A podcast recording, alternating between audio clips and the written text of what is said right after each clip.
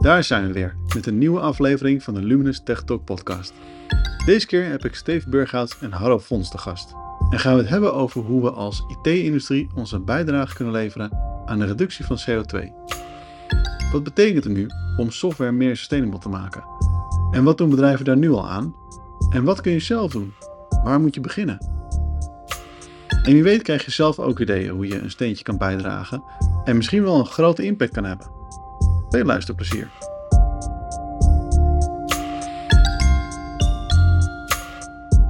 Welkom Steve.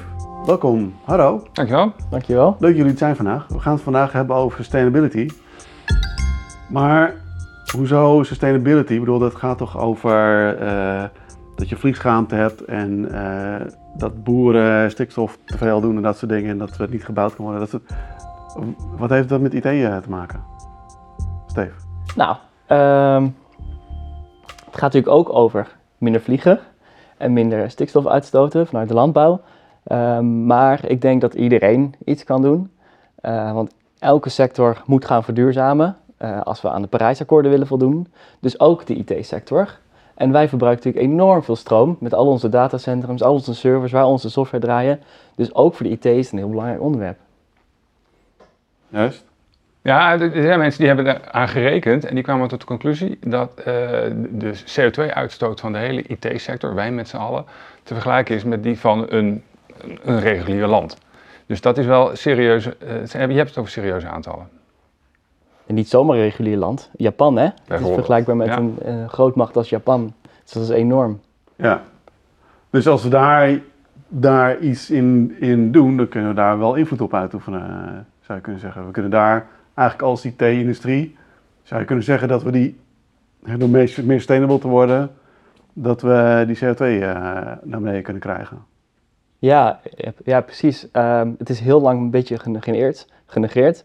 Heel veel duurzaamheidsdingen zijn natuurlijk een beetje genegeerd. Ja. Totdat het nu zoiets hebben van, ja, maar het is vijf voor twaalf. Ja, het is natuurlijk eigenlijk alweer uh, twee over twaalf. We zijn al best wel laat. Uh, dus iedereen moet dat doen, ook, ook de IT-industrie. Dus we kunnen het niet langer meer negeren. En waarom is sustainability zo belangrijk voor jullie als onderwerp? Nou, ik, ja, voor mij is het eigenlijk altijd al een ding geweest. Mijn hele leven ben ik met natuur bezig geweest uh, en heb me altijd verbaasd over hoe wij als mensen uh, daar eigenlijk heel slecht mee omgaan.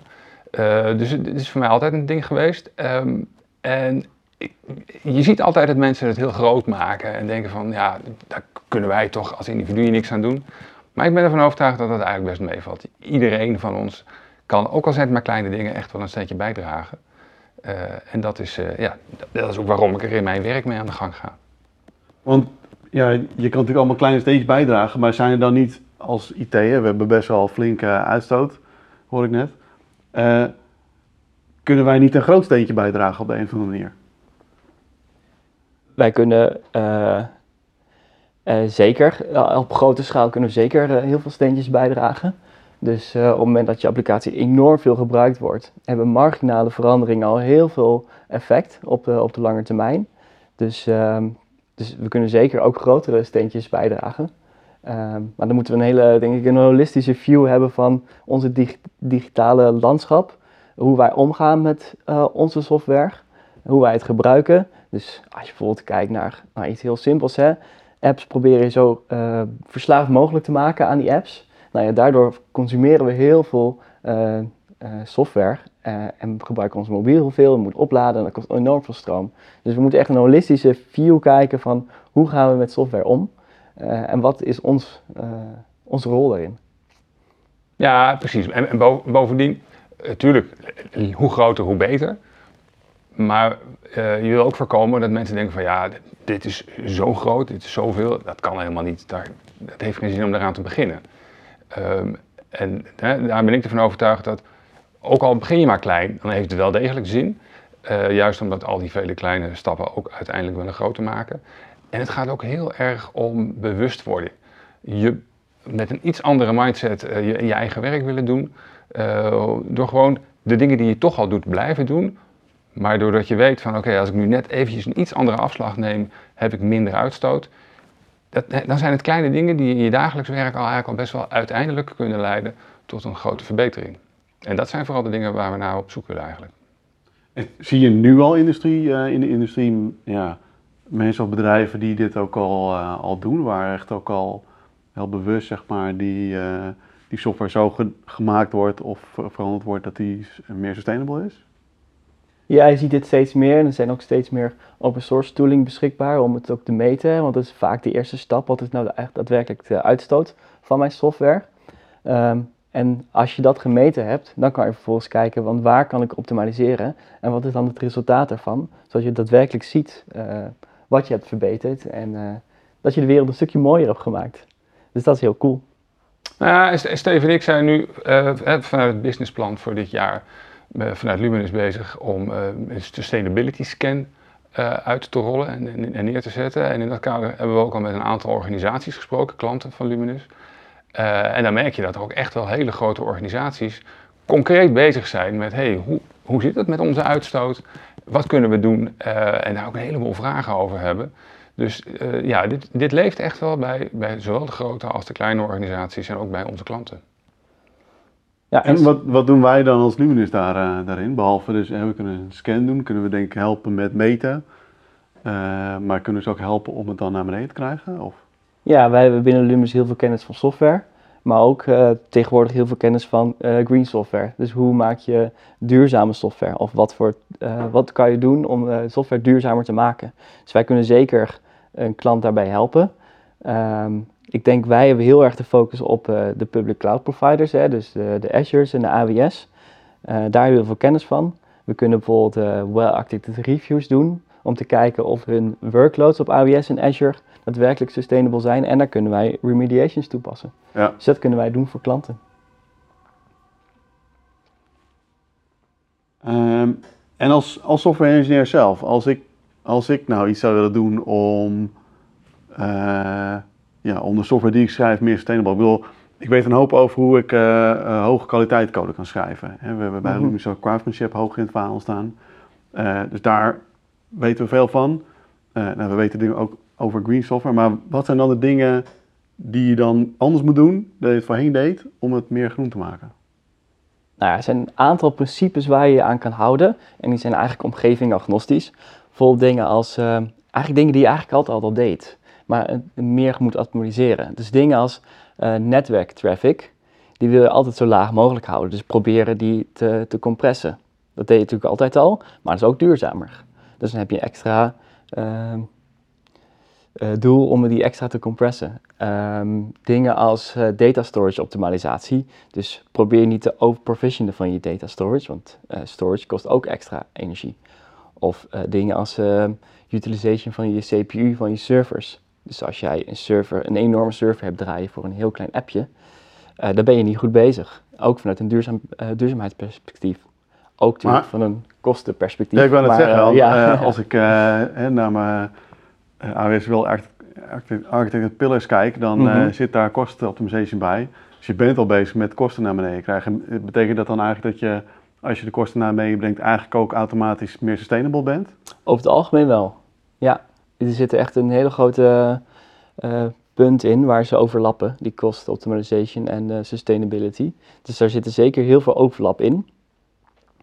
Maar wat je ziet, bedrijven die moeten gaan reduceren, om aan, wat ik net al zei, aan de Parijs, Parijsakkoorden te voldoen, moeten we bij 2030 moeten wij onze CO2-reductie kunnen halveren. Dus dat moet elk bedrijf, elke burger en elke overheid gaan doen. Dus de focus op meer duurzamer worden eh, is, is, eh, wordt steeds belangrijker en misschien wel belangrijker dan die cost reduction. Omdat ook daar de waarde in zit, omdat we daar sowieso naartoe moeten. Maar het goede nieuws is daarbij dus wel dat eh, oog hebben voor sustainability niet meteen extra geld kost. Omdat je vaak ook daarmee financiële eh, voordelen hebt. Doordat je gewoon op, je eigen kosten ook bespaart, je operationele kosten. Ja, ja. Dus en, eh, kosten is over het algemeen geen reden om eh, eh, niet naar sustainability te kijken. Nou, dat is op zich goed nieuws. Dat is, Ja. dat is het ook. Dat is het ook. En eh, dus, dat is, eh, dus als software engineer hè, kan ik eh, zorgen dat ik meer efficiënt mijn infrastructuur gebruik, zou je kunnen zeggen. Zijn er nog andere dingen die ik kan doen in de code zelf bijvoorbeeld? Of in de applicatie die ik bouw? Of, eh, Ehm, ja, je kan, je kan van alles doen natuurlijk. Ehm, ik denk dat de infrastructuur de grootste veroorzaker is. Eh, tuurlijk kan je het moment dat je inefficiënte code schrijft, dan uh, verbruik je veel te veel CPU misschien wel, omdat je inefficiënte code hebt. Dus daar kan je, uh, daar kan je in tweaken. Uh, daar heb je ook bepaalde providers voor, om te kijken of jouw code wel CPU-efficiënt is. Dus daar kan je heel veel aan doen, maar het zit vooral in de infrastructuur. Dat is denk ik de grootste klappen die je kan maken. En waar die infrastructuur daadwerkelijk ook draait. En ook wanneer. Dus dat zijn ook allemaal factoren. En dat is denk ik de eerste waar je moet focussen. Ik denk dat code iets is wat later komt, omdat dat vaak marginale optimalisaties zijn. Ja. Oké. En zijn er nog andere rollen? Want uh, jij bent uh, niet echt softwareontwikkelaar, maar uh, je komt meer vanuit requirements en UX-kant. Ja, nou ja, bijvoorbeeld als je naar, naar UX kijkt, Starbucks heeft een, groot onderzoek gedaan naar hun eigen carbon footprint. en een van de dingen die zij ontdekten is dat als je in dark mode werkt, hè, je kan je scherm natuurlijk vaak, veel schermen kun je in dark mode zetten, of het nou op je laptop of op je telefoon is. Uh, en dan schijnt toch de, de, dark mode al aanzienlijk te schelen in de, de, de hoeveelheid energie die je apparaat zelf verbruikt. Um, dus, eh, als je, maakt het echt dus, zoveel verschil dan? Uh, ik heb de getallen even niet paraat. Maar dat, uh, kijk, een, een, bedrijf als Starbucks heeft natuurlijk heel veel klanten. Dus dan, ja, dan, dan, gaan al die kleine beetjes toch inderdaad, als je ze bij elkaar optelt, wel degelijk substantieel verschil maken. Ja. Uh, maar andere dingen zijn natuurlijk ook het gebruik van, van grafische componenten in je, in je website of in je app. Um, kijk naar je compressie. Vaak kun je, kun je een plaatje best behoorlijk comprimeren zonder dat je dat echt meteen terug gaat zien in de kwaliteit zelf. Of gebruik vectoren, uh, die zijn sowieso al beter. Um, uh, er zijn zelfs hele bedrijven die van hun eigen website twee varianten aanbieden. Eentje die gewoon de klassieke UX aanbiedt, maar ook eentje waar je kan kiezen voor een minimale. En daar dan ook gewoon meteen een businessmodel aan koppelen. klanten, voor, voor klanten een aansprekend bedrijf willen zijn, omdat ze heel bewust laten zien, kijk, deze website stoot op dit moment zoveel CO2 uit, omdat jij hem laat bijvoorbeeld. Um, dus zo kun je als designer, als UX ook heel bewust uh, kijken naar de, de, de, voetafdruk van je eigen website, hè, het, gewicht van je pagina noemen ze dat dan. Um, maar ja, eh, tegelijkertijd ook je, je, je klanten iets bieden wat ze aanspreekt. Ja, je bijvoorbeeld ziet bij je Marktplaats, want ik heb nu net een huis gekocht, en dus ik was op zoek naar kastjes op Marktplaats. Maar wat je daar dus ziet, als je in deze categorie iets koopt, eh, tweedehands koopt, dan, uh, dan reduceer je je CO2-footprint met 48 kilogram. Dus als ik een, een, nieuw een kastje had gekocht, dan uh, had dat 48 kilogram CO2 gekost, schijnbaar. En als ik het tweedehands koop, dan heb ik dat dus gereduceerd. Dus dat geeft mij een goed gevoel van ik ben goed bezig, want ik heb tweedehands een kastje gekocht. Zo proberen steeds meer websites een soort van te gamificeren van, uh, van, om, om te besparen. Dus dat is heel erg cool. Well, dus eigenlijk heb je dan een soort indirect effect zelf. Dus door je software zo te ontwerpen dat je eigenlijk mensen aanzet om duurzamer aankoop te doen of duurzamer je, je software te gebruiken, kan dat ook alweer een soort indirecte impact hebben. Ja, zo werkt sustainability eigenlijk altijd overal wel meerdere aspecten. Een ander ding waar we natuurlijk vanuit Luminous ook mee bezig zijn is data.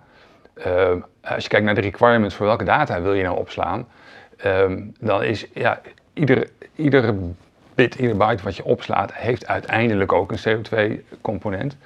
Dus kun je stellen hoe minder je opslaat, hoe beter. Nou ja, goed, hè, vanuit uh, GDPR heb je natuurlijk ook um, ja, richtlijnen waar je aan moet houden en bepaalde gegevens kun je, als je ze niet eens wil hebben, moet je ze niet opslaan. Nou, dat, dat heeft vanuit GDPR al zijn voordelen, maar dus ook een sustainability onderdeel. Omdat ja, hoe minder data je opslaat, hoe, hoe, hoe, sustainable, hoe meer sustainable je bent. Dus daar zie je dat al van het begin af aan nadenken over welke gegevens wil je überhaupt hebben. Daar, daar, daar kun je al in rekening, uh, rekening mee houden met ja, hoeveel, hoeveel data sla ik op en dus ook hoeveel uh, CO2 stoot ik potentieel uit. En je, je had het net over uh, kilogram CO2. Wat is, uh, ik zie dat inderdaad steeds meer op plekken staan. Ik kan zelfs mijn bankrekening kan ik zien hoeveel uh, mijn uitgaven in, in CO2 zijn. Ja, kan je dat tastbaar maken? Wat is nou, wat is nou een kilogram CO2? Nou, volgens mij had Harald het over dat een kopje koffie ongeveer 280 gram CO2-uitstoot kost. Dat is waarschijnlijk inclusief uh, de reis van, uh, van een ver land waar die koffiebonen verbouwd ja, zolang je er geen melk doorheen doet. Want melk ja. is meteen wel weer een, een, hele slechte als het gaat om je CO2-uitstoot. Ja, precies. Dus als je naar dat onderzoek van Starbucks kijkt, dan is 20% van hun uitstoot, totale uitstoot, hè, is aan de melk die ze in de koffie doen. Dus dat is echt enorm. Ja, maar zo val ik denk ook wel veel melk in de koffie dus. Ja, en dat is natuurlijk heel hip, al die melkproducten in de koffie tegenwoordig. Eh, maar eh, dat dus 280 gram voor een kopje koffie, CO2. Maar je kan het, eh, vaak wordt het vergeleken ook met bomen natuurlijk. Ik heb niet helemaal paraat hoeveel, hoeveel CO2 dat is als je een boom erbij plant, hoeveel je dan extra opneemt. Maar vaak wordt daarmee vergeleken, omdat dat heel, heel iets tastbaars is. En waar we ook mee bezig zijn natuurlijk om extra bomen te planten. Om, om CO2 te kunnen opnemen in de, uit de atmosfeer. Als je nou nog een, een laatste tip zou kunnen geven aan iemand hoe die hiermee aan de slag kan gaan. Hè? Dus als ontwikkelaar zelf, eh, of als of als iemand die hier een verschil in wil maken, waar moet ik dan beginnen? Ga naar de Green Software Foundation. Daar staan alle zeven principes op. Lees die eens goed na. Die principes die gelden voor elke discipline binnen de IT, dus daar heb je altijd wat aan. En ik denk dat, dat als je dat als leidraad neemt, dat je dan al heel ver komt. En probeer een cultuur binnen je bedrijf te creëren waar het belangrijk wordt om uh, deze principes toe te passen. Dus uh, net zoals we security heel belangrijk vinden en reliability en availability en al die non-functionele, laten we sustainability ook nemen als iets wat we belangrijk vinden tijdens het ontwikkelen van onze software. Dus ik denk dat, dat die twee dingen zijn voor mij de twee belangrijkste dingen. Cool. Hallo, heb je daar nog een Ja, ja, we zijn met een podcast bezig. Er zijn ook genoeg podcasts over dit onderwerp. Als je het hebt over software en green. Uh, dus uh, ja, ga eens op zoek naar een mooie podcast. En blijf, blijf, er gewoon mee bezig. Het is, het is, niet iets wat je één keer even doet en dan daarna wel weer verder kan gaan. Je, je moet je doorlopend blijven informeren over wat is er mogelijk. En er zijn genoeg tips te krijgen. Cool. Hey, Harro, als jij nou je eigen podcast zou hebben, hè? wie zou jij dan als gast uitnodigen? Wie zou ik als gast uitnodigen voor mijn eigen podcast? Um, ik luister naar een podcast van uh, Robert Llewellyn van uh, Red Dwarf. Die gaat ook heel, die gaat heel, ja, gaat vooral over mobiliteit en sustainability. Uh, daar, daar, steek ik altijd een hoop van op. Ik zou hem eens een keer in mijn podcast willen hebben om hem eens eventjes zelf. En wat zou de eerste vraag zijn dan die je aan stelt? Um, hoe hij gekomen is tot het. Hij heeft een enorme omslag gemaakt. Hij was eerst heel erg met, uh, nou, alles wat hij deed, het maakte hem niet uit hoeveel energie het kostte. En hij, hij, is nu een enorme voorvechter voor groene mobiliteit en een, duurzame manier van leven. Uh, ik ben heel erg benieuwd hoe hij die omslag gemaakt heeft. Dat, dat zou ik hem zeker eens willen vragen. Nou, dank jullie heel uh, voor het gesprek. Het was heel fijn om, om dit te horen. En ja, ik, ik ben wel benieuwd of we mensen kunnen helpen om, om die stap te gaan maken. Om inderdaad meer sustainable te worden en daar wat mee te gaan. Dankjewel. Ja, bedankt.